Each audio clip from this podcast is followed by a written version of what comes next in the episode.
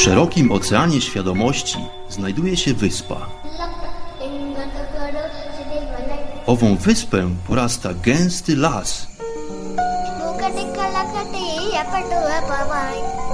W dalekiej głębi tego właśnie lasu znajduje się słoneczna polanka.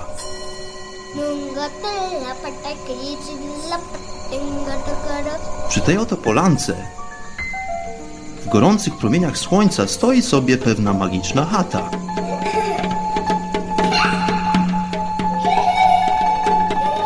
Właśnie tam żyje pewien mistyk.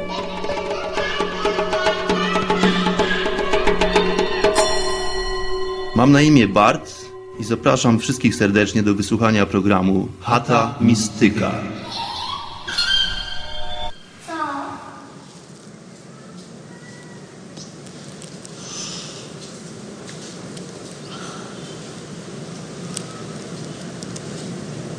Namaste, Hari Om. Pozdrawiam wszystkich serdecznie na samym wstępie. Obyście mi zdrowi byli, drodzy goście Chaty Mistyka. Pozdrawiam wszystkich stałych bywalców Chaty Mistyka. Pozdrawiam nowych gości. Bardzo cieszy mnie fakt, że udało Ci się odnaleźć ścieżkę w gęstym lesie i dotarłeś tutaj do owej chatki. Ja mam na imię Bart i zaczynamy kolejny program Chaty Mistyka, kolejną opowieść. Jestem z powrotem w Indiach, moi drodzy. Po krótkotrwałym, dwutygodniowym pobycie w Nepalu, który jest przepiękny, wylądowałem znowu w Indiach i znowu jestem w górach. Jakoś ciągną mnie te Himalaje, więc e, już trzeci raz podczas mojej podróży oglądam ten majestatyczny łańcuch górski z zupełnie innej, nowej perspektywy tym razem. Otóż jestem w mieście, które nazywa się Rishikesh. Miejsce, które urosło do miana miejsca kultowego, miejsce, które przepełnione jest duchowością, energią, przewspaniałym słońcem również.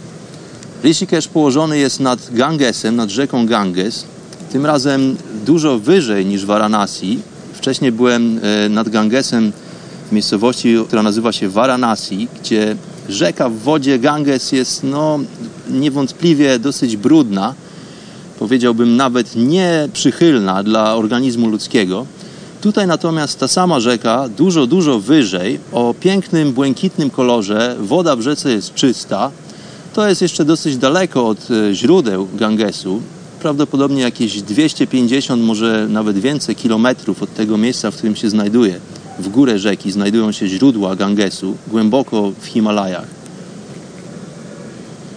No i siedzę sobie w lesie, dlatego że lubię. Ostatnio mam dużo szczęścia, jestem otoczony lasem, więc e, mogę sobie robić krótkie wypady do dżungli. No i właśnie siedzę tutaj w dżungli, otoczony zielenią, oddycham świeżym, czystym powietrzem, słucham odgłosów ptaków i innej zwierzyny, która tutaj przemieszcza się pomiędzy krzakami. Czasem są to małpy, czasem są to po prostu dzikie krowy. Rishikesh, mnóstwo zieleni, mnóstwo lasów, oczywiście przepiękne góry, dużo otwartej przestrzeni. To jest to, co tutaj mnie urzeka, dlatego że Varanasi było miejscem, które było bardzo zatłoczone gdzie było mnóstwo hałasu, mnóstwo brudu również.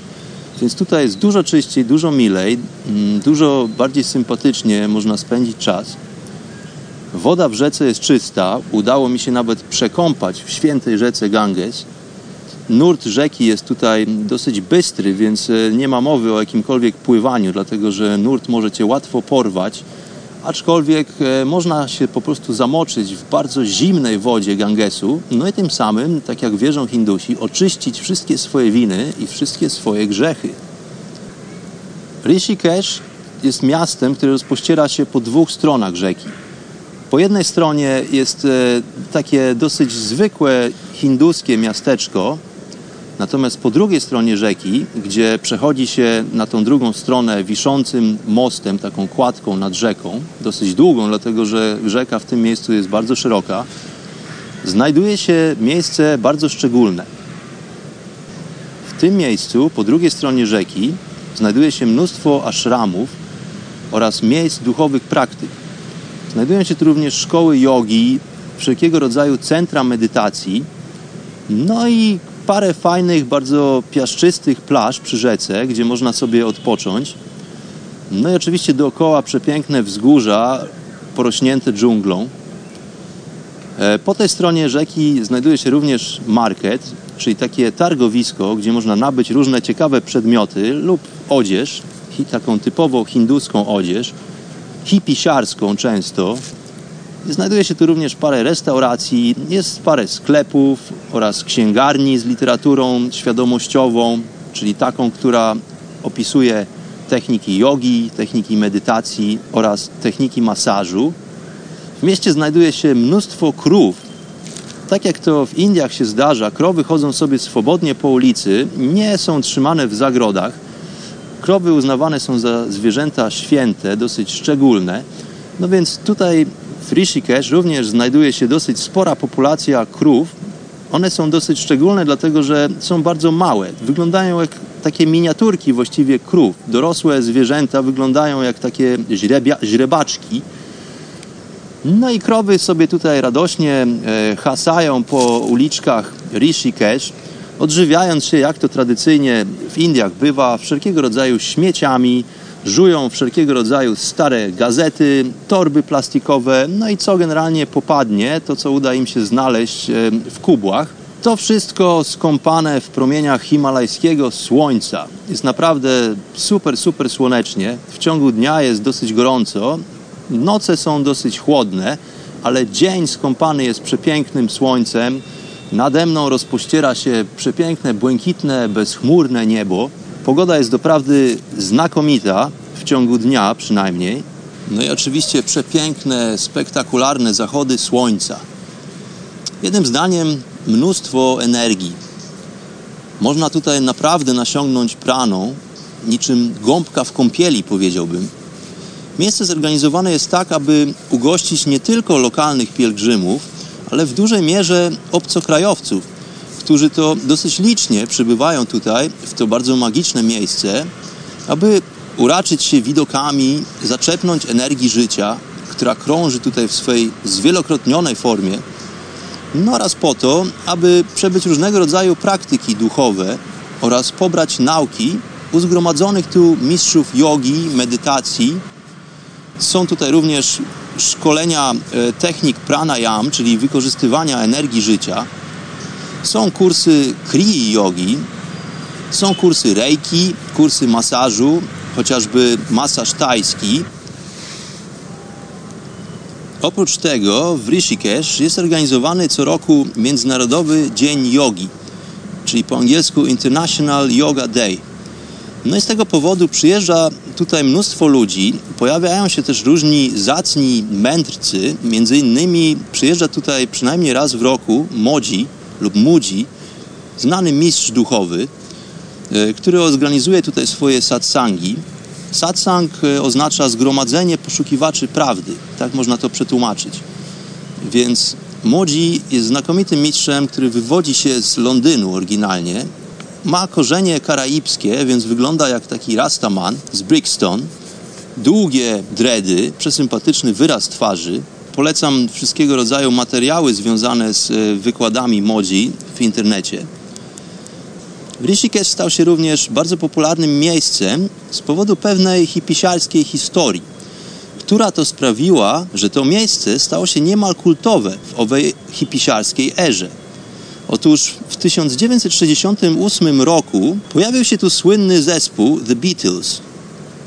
W tamtych czasach miejsce było dużo mniej uczęszczane, miasto było dużo mniejsze. No i historia mówi, że chłopaki wylądowali tutaj swoim helikopterem na jednej z plaż przy rzece pojawili się z całym swoim orszakiem, z dziewczynami, z ekipą, z całą obsługą, z telewizją, z dziennikarzami. Więc e, wydarzenie było bardzo niecodzienne tutaj dla lokalnej ludności. Zatrzymali się w ashramie, którego twórcą był Maharishi Mahesh Yogi. Maharishi Mahesh Yogi uczył techniki medytacji, którą to sam opracował i nadał jej nazwę transcendentalna medytacja. Jednym z powierników tej wiedzy, jednym z praktykantów tej techniki jest m.in. znany i wybitny reżyser filmowy David Lynch, autor m.in. słynnego serialu Twin Peaks. No więc chłopaki dołączyli do grupy około 60 osób w Ashramie, no i rozpoczęli praktyki medytacyjne. No ale co się okazało, po paru dniach e, Ringo Starr i jego żona stwierdzili, że to właściwie nie jest dla nich, więc e, opuścili miejsce. Paul McCartney został około miesiąca, natomiast John Lennon i Mr. Harris zostali parę dni dłużej, no ale właściwie tyle odnośnie pobytu Beatlesów w tym miejscu. Ashram, w którym przebywał zespół The Beatles, urósł do rangi kultowego miejsca, gdzie od lat 70. przybywa tutaj mnóstwo ludzi. Ashram został nazwany ashramem The Beatles. Pomimo tego, że chłopaki spędzili tutaj tylko parę tygodni właściwie, no to historia jak gdyby nadal jest kontynuowana. W tej chwili miejsce jest opustoszałe, nie odbywają się tam żadne wydarzenia. Właściwie e, są to ruiny już budynków, które powoli przejmuje dżungla. Miejsce zaczyna być dosyć gęsto porośnięte lasem i przejmują go tutaj dzikie zwierzęta. Ale samo miejsce Rishikesh nadal trwa. Od końca lat 60. urosło do miary jednego z ważniejszych punktów na mapie pielgrzymów w Indiach. No i z tego również powodu przebywa tutaj wielu wyśmienitych joginów oraz bardzo szczególna grupa dewotów zwanych sadu. No i dzisiaj właśnie o nich w chacie Mistyka. Sadu dosłownie oznacza pogodny lub łagodny. To jest bardzo szczególny rodzaj jogina, który dąży do osiągnięcia tak zwanego mukti, gdzie każdy aspekt życia nakierowany jest na osiągnięcie wyzwolenia. Sadu na tle bogactwa kulturowego i duchowego Indii, który jest potężnym krajem o mnogości wyznań i całej plejadzie praktyk duchowych, wyróżnia się nie tylko wyglądem. Ci panowie zwykle posiadają bardzo doraźne brody, no i długie włosy zaplątane w dreadlocki. Odziani są bardzo skromnie. Zwykle sadu odziani są w bardzo prostą szatę o kolorze pomarańczowym, kremowym, no ale również charakterystyczne usposobienie sadu jest tym elementem, który przysporzył im swego rodzaju sławy w Indiach. Tutaj w Indiach, wśród podążających drogą duchową, można również wyróżnić tak zwanych świętych. Tak się ich nazywa.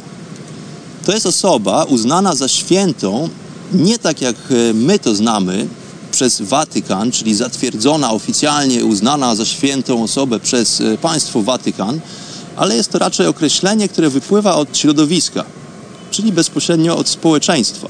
Więc jest to swoistego rodzaju status społeczny.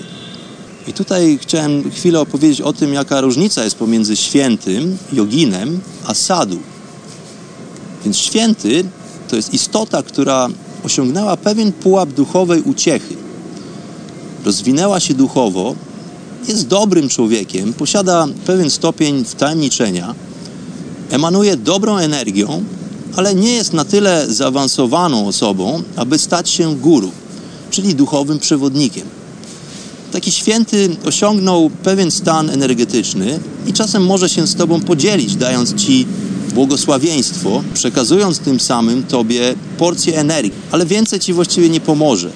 Więc można by powiedzieć, że takowy hinduski święty ma dosyć ograniczony zakres możliwości.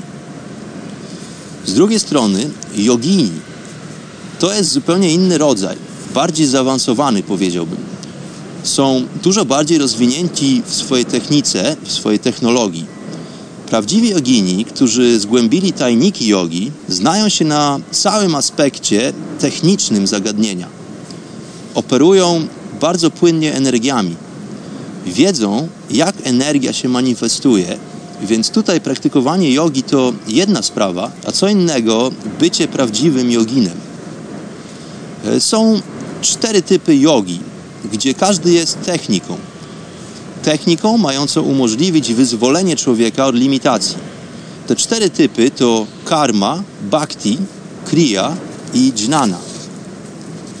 Karma yoga, jeżeli potrafisz wykonać każdą swoją aktywność z pasją, jeżeli potrafisz bezinteresownie służyć innym, w ten sposób z radością jesteś w stanie pracować nad swoją karmą. Jesteś w stanie wypracowywać karmiczny dług. Bhakti yoga jest wtedy, kiedy próbujesz osiągnąć cel, wykorzystując swoją sferę emocjonalną. To jest droga swego rodzaju poddania i dewocji. I ostatnim typem jogi jest tak zwana jnana yoga. Jnana pisze się przez G-N-A-N-A. Gnana yoga. Wymawia się jnana yoga. To jest droga intelektu. Czyli w skrócie, wiem to, co wiem, to, czego nie wiem, jest mi nieznane. Więc prawdziwi jogini to nie tylko ci, co się wyginają i rozciągają i przyjmują asany, czyli pozy ciała, ale również ci, którzy dokonali duchowej ewolucji poprzez jedną lub parę owych metod. Zwykle rzadko zdarza się, aby ktoś podążał wszystkimi czterema drogami jogi jednocześnie, dlatego że jest to zadanie bardzo trudne. Bycie joginem oznacza, że znasz zawiłości życia, wiesz jak sobie z nim radzić. Potrafisz wznieść się ponad jakości, ponad swoje upodobania. Czyli coś lubię, czy nie lubię, coś mi się podoba, czy nie podoba. To są ci, którzy obcują ze Stwórcą, którzy mają momenty pojednania z totalnością, wykonując swoje praktyki. Czy to oznacza, że są oświeceni? No niekoniecznie. Jogini są bardzo blisko Boga, często pozostają w stanie unii z jednością przez dłuższe okresy czasu, ale nie dokonują momentu tak zwanego przejścia. Rzekomo osiągając stan totalnego oświecenia, bardzo ciężko jest pozostać w ciele ludzkim. Zresztą widzę tutaj analogię do szamanizmu w pewien sposób, dlatego że szaman jest to również osoba, która wykorzystując inne techniki, inne metody, podąża właściwie do, do granicy życia ze śmiercią, także balansuje na krawędzi życia i śmierci po to, aby doznać oczyszczenia i po to, aby przynieść informacje z powrotem. Czyli zbliża się bardzo mocno do momentu przejścia, aczkolwiek pozostaje w ciele po to, aby po szamańskiej sesji powrócić do świata realności. Więc jeżeli jogini praktykują swoje techniki, to często zdarza się tak, że w stanach osiągnięcia totalnego uprzytomnienia zamieniasz się w, w inny rodzaj energii, no i często opuszczasz ciało, pozostawiając tym samym dualny świat materialny. No ale oprócz joginów i świętych, w Indiach często zdarzają się inni ludzie, którzy obcują z energiami, których to zwie się jasnowidzami lub tymi, którzy widzą. Więc jasnowic to jest niekoniecznie osoba, która jest osobą uduchowioną. To jest ktoś, kto ma po prostu wizję. Ktoś, kto jest w stanie dostrzegać to, czego nie widzą inni. Ktoś, kto posiada wyższy poziom percepcji. To zalicza się raczej do okultyzmu, powiedziałbym, raczej niż do systemu jogi. W tej samej grupie można by znaleźć astrologów, wróży i przepowiadaczy przyszłości. Tych jest w Indiach również bardzo wielu. Ja sam spotkałem paru z nich podczas moich podróży. Czasem ich przepowiednie wypływają z nich bardzo, bardzo spontanicznie, jak gdyby w sposób niekontrolowany. Po prostu podchodzą do ciebie i zaczynają czytać Twoją przeszłość lub Twoją przyszłość. Nie oczekują za to żadnych pieniędzy, czasem mają po prostu taki przebłysk Twojej przeszłości czasem Twojej przyszłości, no i czasem Ci o tym opowiedzą. Ale powracając do naszych sadów. Tutaj w Rishikesh jest ich wielu. Nazywa się ich Baba. Tak jak wcześniej opowiadałem, Baba to jest taka nazwa na status właściwie społeczny, na status duchowy, kogoś, kto dokonuje praktyk duchowych. Kogoś, kto wybrał drogę ascezy, Sadu odrzucili wszelkie więzy materialne, często rodzinne również. Nie posiadają praktycznie nic poza bardzo skromnymi szatami i jakimś małym tobołkiem, e, z jakimś naczyniem, w którym to mogą zjeść posiłek. Żyją właściwie na ulicach miasta, szczególnie ci starsi, bo tutaj w miastach jest łatwiej im przetrwać i zjeść posiłek. Tutaj kultura w Indiach jest taka, że ludzie zdają sobie sprawę z tego, że istnieje taka kasta, taki, e, taka grupa społeczna owych właśnie sadu, którzy to odrzucili wszelkiego rodzaju dobra i powiązania materialne. No i ludzie po prostu o dobrych sercach bardzo czynnie im pomagają. Służą im e, na przykład przynosząc przynajmniej raz dziennie takiemu sadu posiłek lub e, często podarowując im jakieś małe kwoty pieniężne, jakąś odzież czy wszelkiego innego rodzaju rzeczy, które są potrzebne człowiekowi do przetrwania. Więc ci starsi przebywają w miastach, natomiast e, młodsi sadu, młodsi jogini rozproszeni są dookoła w pobliskich górach, w pobliskich jaskiniach, w bardzo szczególnych miejscach praktyk. Po paru dniach mojego pobytu w Rishikesh udało mi się zapoznać paru z tych sadów. Są to naprawdę bardzo mili ludzie i bardzo otwarci panowie, zwykle pozdrawiający radośnie przechodniów. Twarze po paru dniach wydają się znajome. Niektórzy mówią po angielsku całkiem nieźle, no ale ogólnie są to dżentelmeni, którzy są bardzo pokorni. Czasem zapytają cię o drobne, czasem zapytają cię o to, żeby kupić im herbatę w pobliskim sklepie z herbatą. Tutaj znamienitym w Indiach jest fakt, że jest mnóstwo takich małych straganów, gdzie można zakupić herbatę i parę drobiazgów. No ale często jest też tak, że to właśnie oni, ci sadu, dzielą się z tobą tym, co mają. No, że mają niewiele, no to niewiele się mogą podzielić, ale zawsze się dzielą. Czasem Sadu kupił mi herbatę, czasem wyciągnął czalis, czyli taką prostą fajkę, w której to pali się święte ziele siwy, e, bo praktyką wielu baba jest obcowanie z siwą. Shiva z sanskrytu oznacza niebyt, stan nieegzystencji jak gdyby.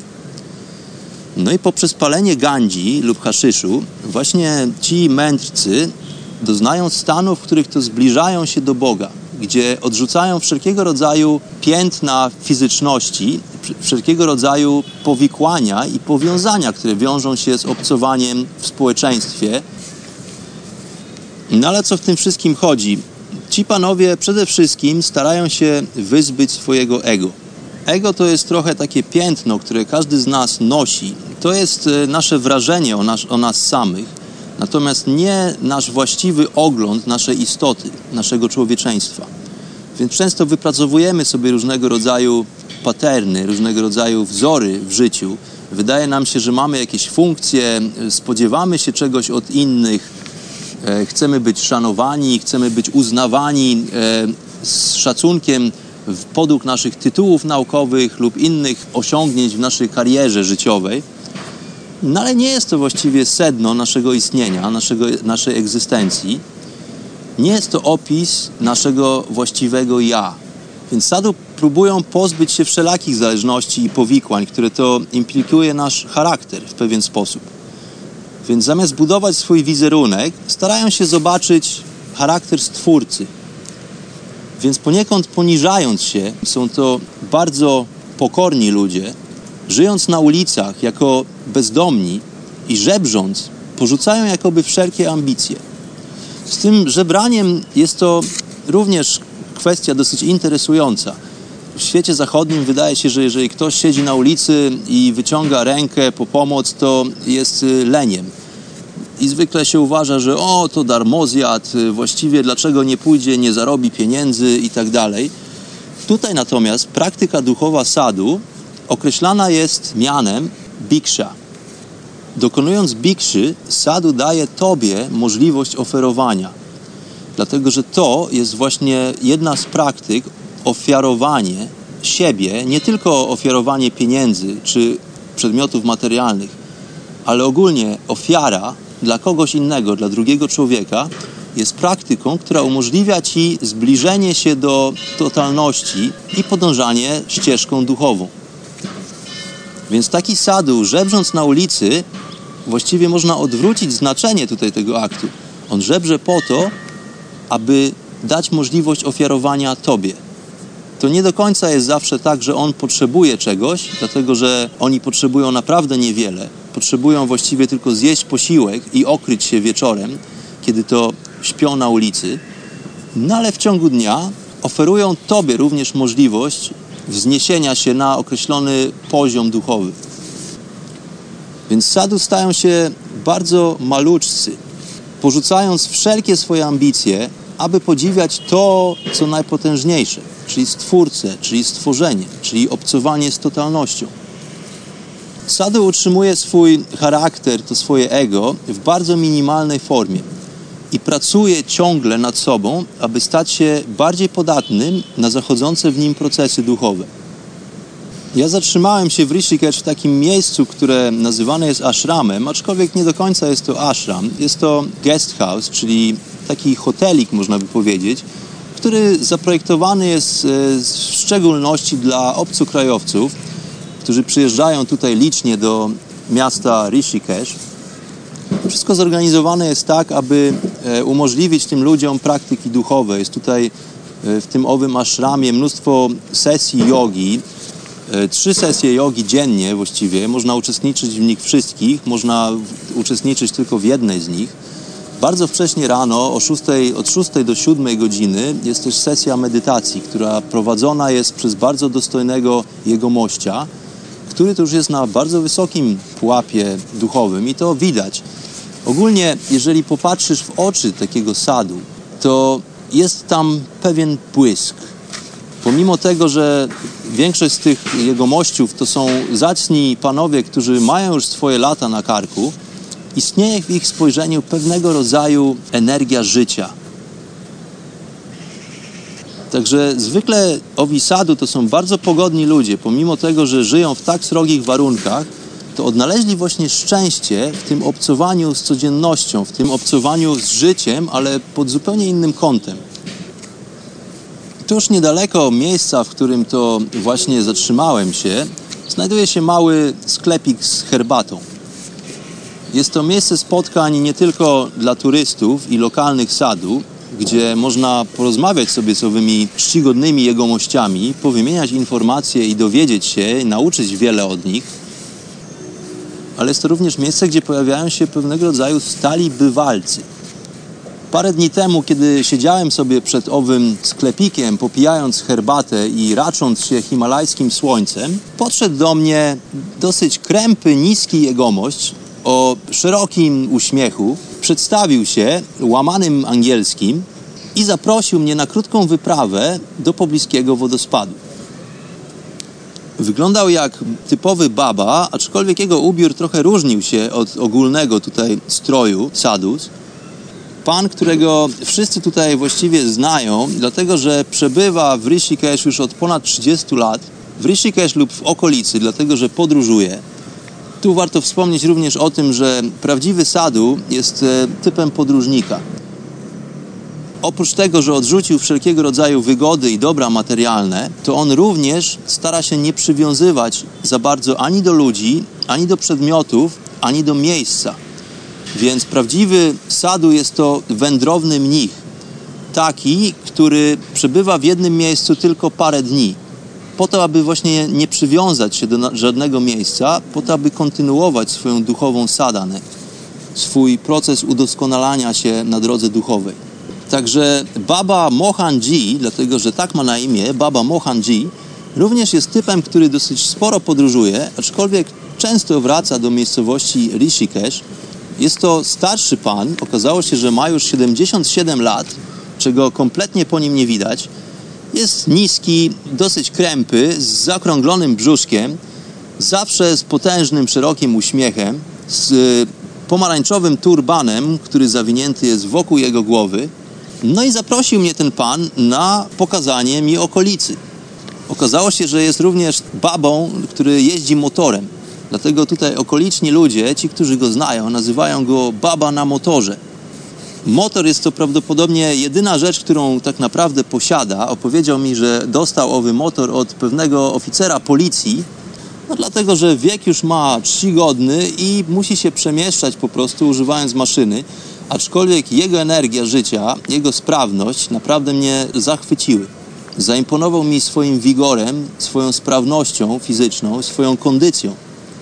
Zaprzyjaźniliśmy się właściwie od pierwszego momentu. No i Mohanji pokazał mi tutaj parę miejsc w okolicach Rishikesh.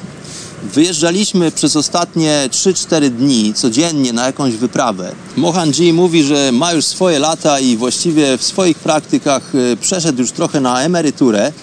Podśmiechując się, opowiada mi właśnie taką historię. Dlatego poprosił mnie, żebym był kierowcą, więc e, ja prowadziłem motor, on siedział za mną na fotelu e, pasażera z szerokim uśmiechem pozdrawiając wszystkich przechodniów i znajomych, a okazało się, że ma ich tutaj naprawdę sporo. No jeździliśmy sobie razem tym motorem. Odwiedziliśmy parę przepięknych wodospadów w górach. Zabrał mnie pewnego dnia do małego ashramu w górach, gdzie znajdują się ci młodsi sadu o długich, długich lokach, które to zawinięte są wokół głowy, na czubku głowy. Ciała tych panów pokryte są popiołami y, z ogniska, ale jest to bardzo szczególny rodzaj popiołu nazywany vibuti. Popiół, który jest w pewien sposób naenergetyzowany.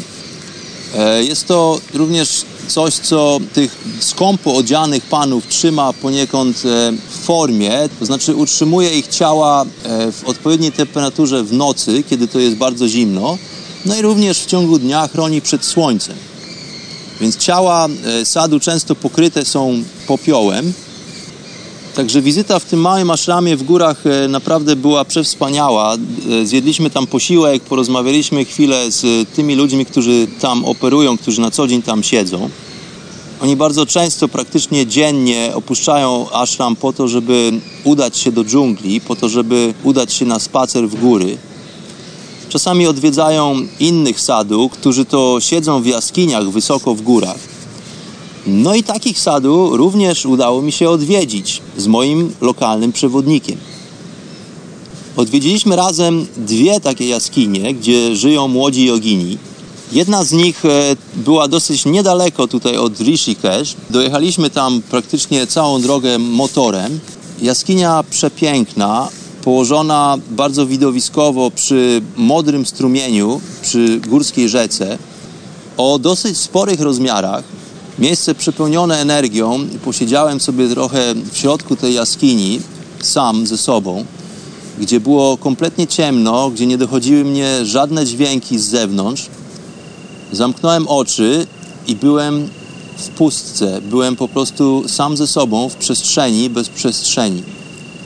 Jest to zjawisko, które następuje momentalnie, kiedy znajdujesz się w takim miejscu. Dlatego, że tam dokonywanych było tyle praktyk duchowych, tam krąży tyle energii, że to miejsce bardzo pomaga ci w pewien sposób jako urządzenie energetyczne, tak bym to określił, jako taka komora energetyczna.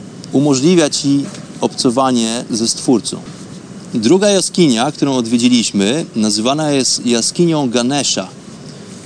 Opowieść o Ganeszu jest dosyć ciekawa w mitologii hinduskiej. Otóż Ganesh był rzekomo synem Lorda Shivy i jego żony Parvati. To znaczy nie był bezpośrednio synem Shivy i ta historia jest dosyć ciekawa. Otóż okazuje się, że Shiva w swoich długich podróżach i wypadach czasami nie przybywał do domu, do swojej żony przez parę lat. No jego żona Parvati czuła się dosyć samotnie, więc w pewien sposób wyczarowała sobie syna bez udziału swojego męża. To znaczy zamanifestowała małego chłopca, który to pojawił się na tym świecie w formie ludzkiej. Natomiast kiedy Shiva po długotrwałym wypadzie powrócił do domu, nie mając kompletnie pojęcia o tym, że Parvati właśnie utworzyła w pewien sposób chłopca, nie wiedząc kim on był, a zastając go we własnym domu, wyciągnął miecz i obciął mu głowę.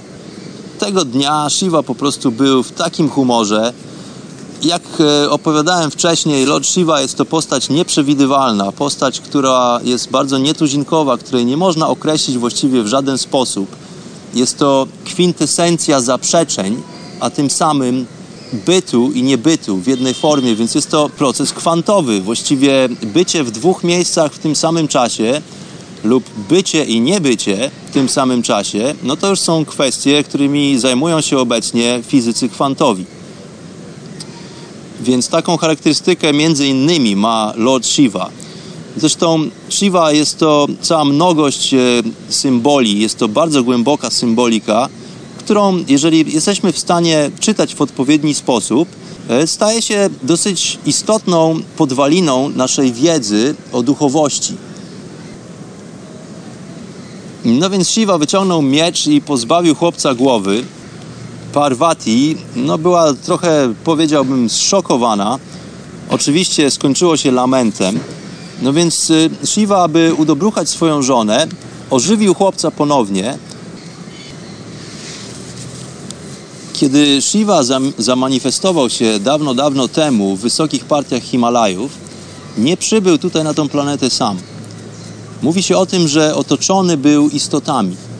Były to istoty, które nie miały właściwie określonej formy. To znaczy one przypominały w pewien sposób istoty ludzkie, ale nie miały kończyn, ale posiadały takie bezforemne odnóża, które to poniekąd wyglądały jak macki, trochę wyglądały może jak węże, a może jak trąba słonia.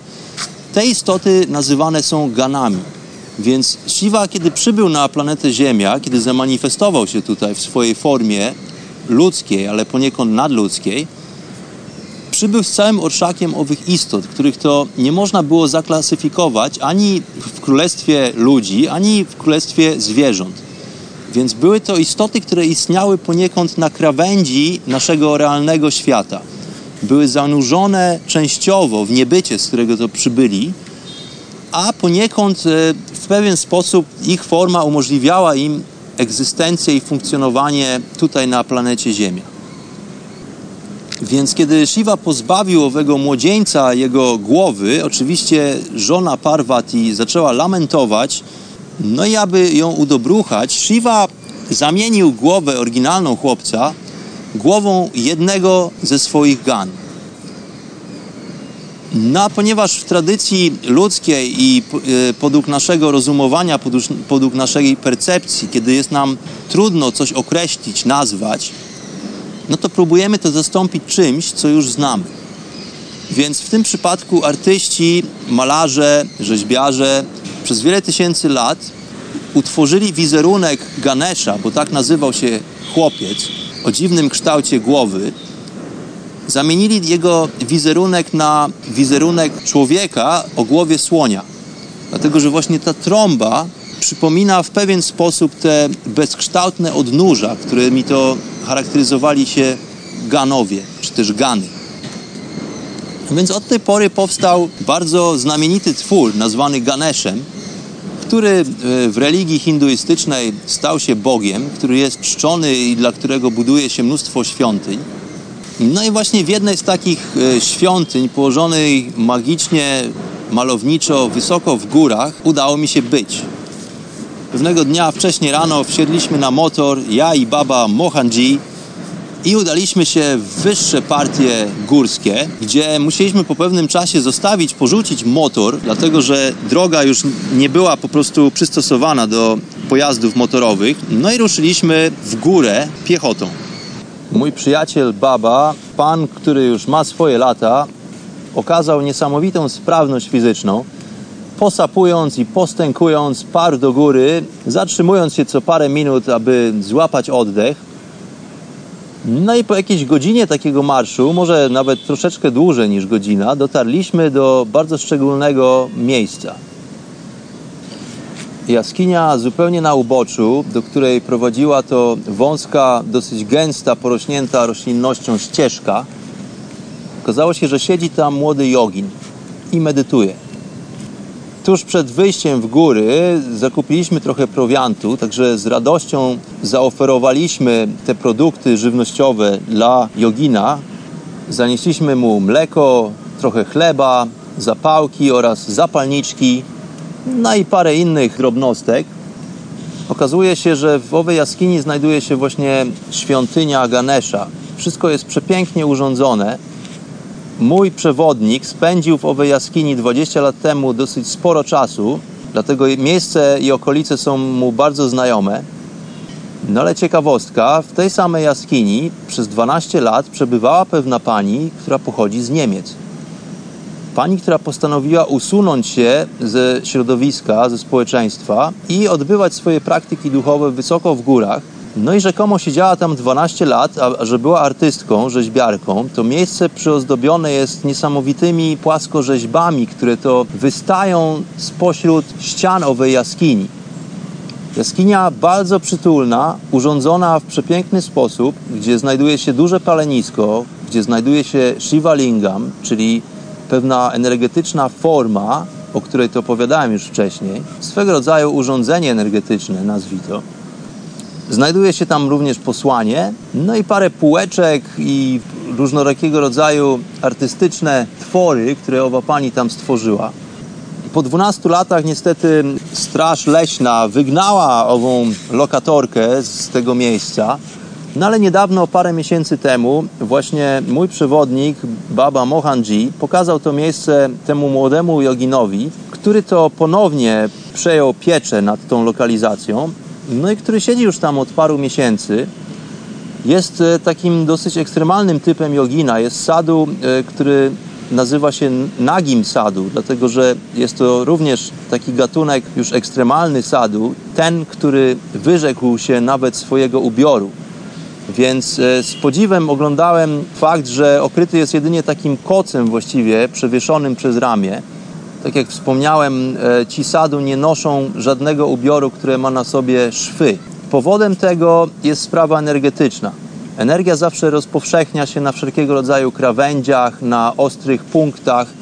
No i również ubiór nasz w przeciwieństwie do naszego ciała, które jest dosyć obłe w kształtach, może powodować pewnego rodzaju zanieczyszczenia, manifestowania się energii. No więc owy sadu jest e, tak zwanym nagim sadu, więc ciało jego pokryte jest wyłącznie popiołem, tak zwanym vibuti. No i wieczorem e, i na noc okrywa się kocem. Jest to sprawa imponująca, dlatego że noce w Rishikesh obecnie są dosyć zimne. Jest to początek zimy. Mnie w moim hoteliku często bywa zimno, pomimo tego, że leżę na łóżku pod paroma okryciami.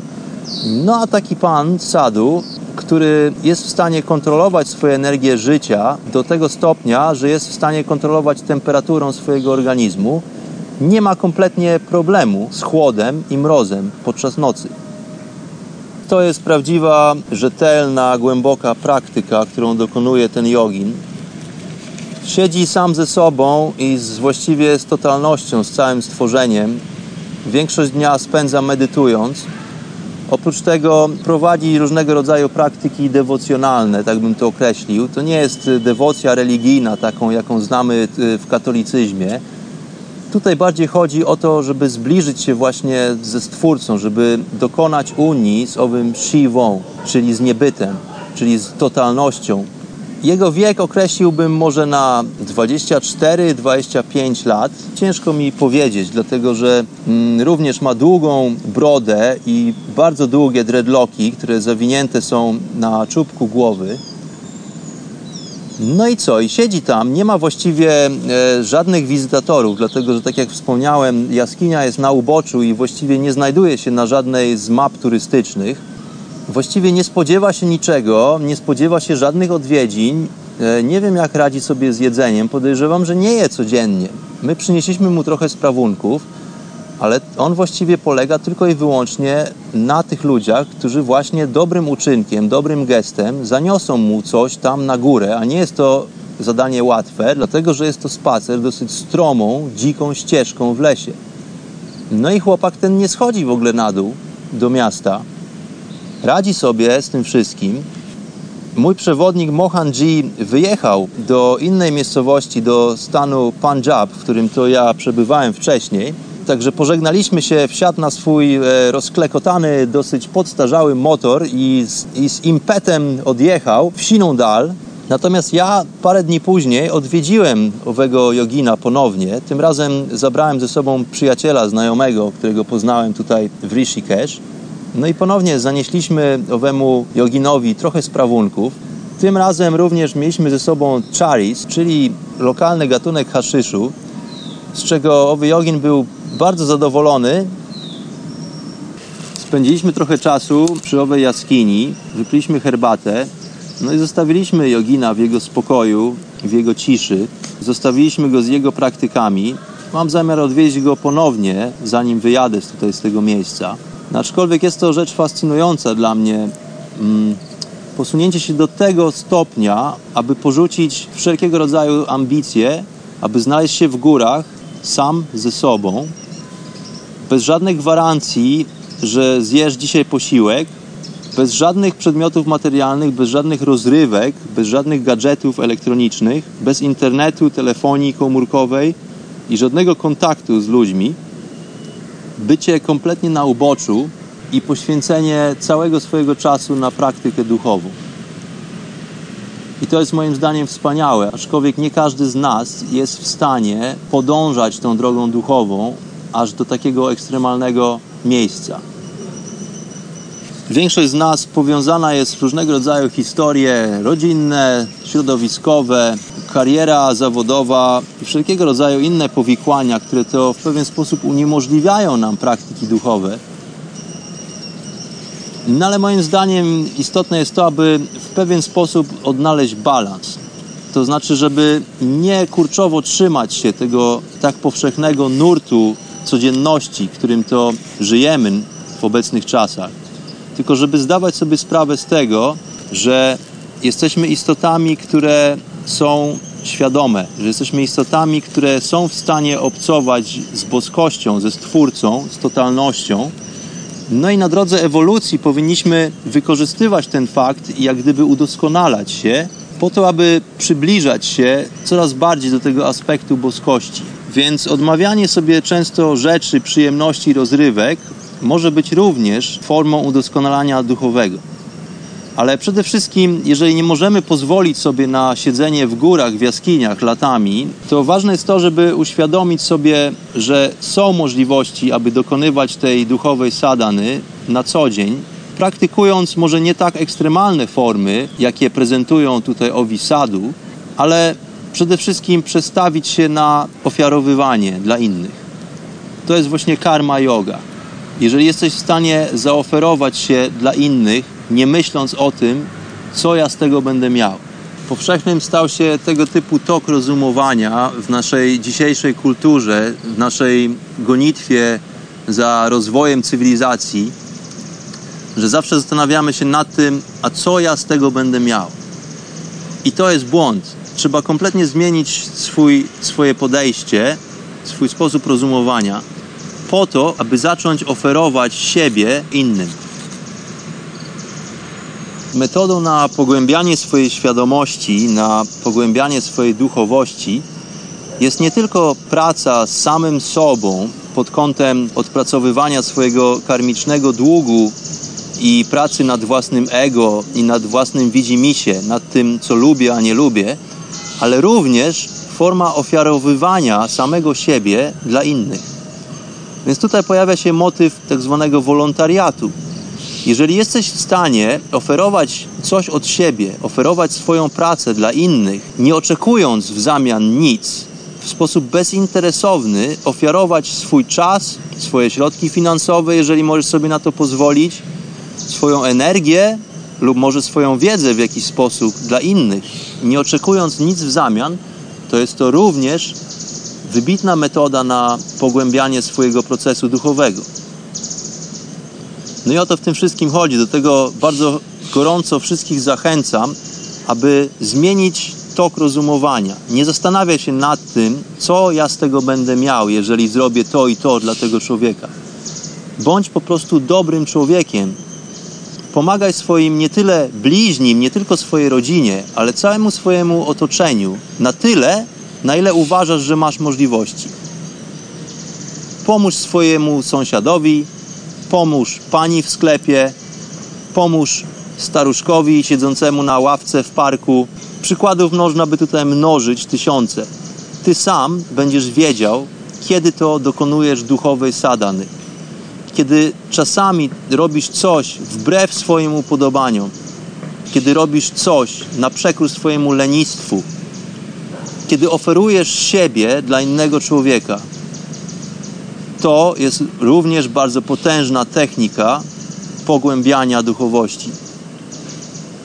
Nie każdy z nas ma w sobie na tyle ikry, aby wybrać tą ekstremalną drogę, którą podążają sadu, ale nie jest to droga jedyna.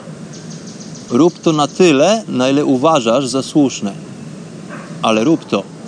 Nie pytaj się, a co ja z tego będę miał. Zrób coś dla kogoś innego. Połącz się w pewnego rodzaju akcie z inną istotą ludzką. Stwórz energię wokół tego czynu. podnieść wibrację owej energii, owego czynu, owego obcowania z inną istotą do tego miejsca, gdzie poczujesz, że robisz dobrze, gdzie poczujesz, że robisz właściwie. Zacznij pomału. Przyzwyczaj się do tego, że nie masz żadnych oczekiwań od nikogo innego. Jeżeli nie masz żadnych oczekiwań od nikogo innego, to właściwie jesteś już w pół drogi, dlatego że nigdy się nie zawiedziesz. Skoro nie oczekujesz czegokolwiek od drugiej osoby, nie możesz się zawieść, dlatego że to, co robi druga osoba, to jest jej interes, a to, co robisz ty, to jest tylko i wyłącznie to, co wypływa z wnętrza ciebie. To jest to, co jedyne i prawdziwe, co mieszka w tobie, ale czasami musisz to odkryć i uzewnętrznić. I to dzisiaj na tyle na temat sadu, joginów i świętych oraz wróży w Indiach. Pozdrawiam wszystkich bardzo serdecznie. Mam nadzieję, że słucha Wam się przyjemnie moich audycji. Jeżeli macie jakiegokolwiek rodzaju sugestie lub komentarze, to proszę zostawiać je pod audycją w archiwum, albo w archiwum Radia Paranormalium, albo w archiwum YouTube. No i zachęcam do szperania, zachęcam do podążania drogą świadomości, zachęcam również do dialogu. Pozostań w pokoju, drogi gościu chaty mistyka. Bądź uważny, bądź wyczulony, bądź zbalansowany. Poczuj energię wszechświata. Połącz się z totalnością. Namaste, Hari Om i Pranam. Do usłyszenia.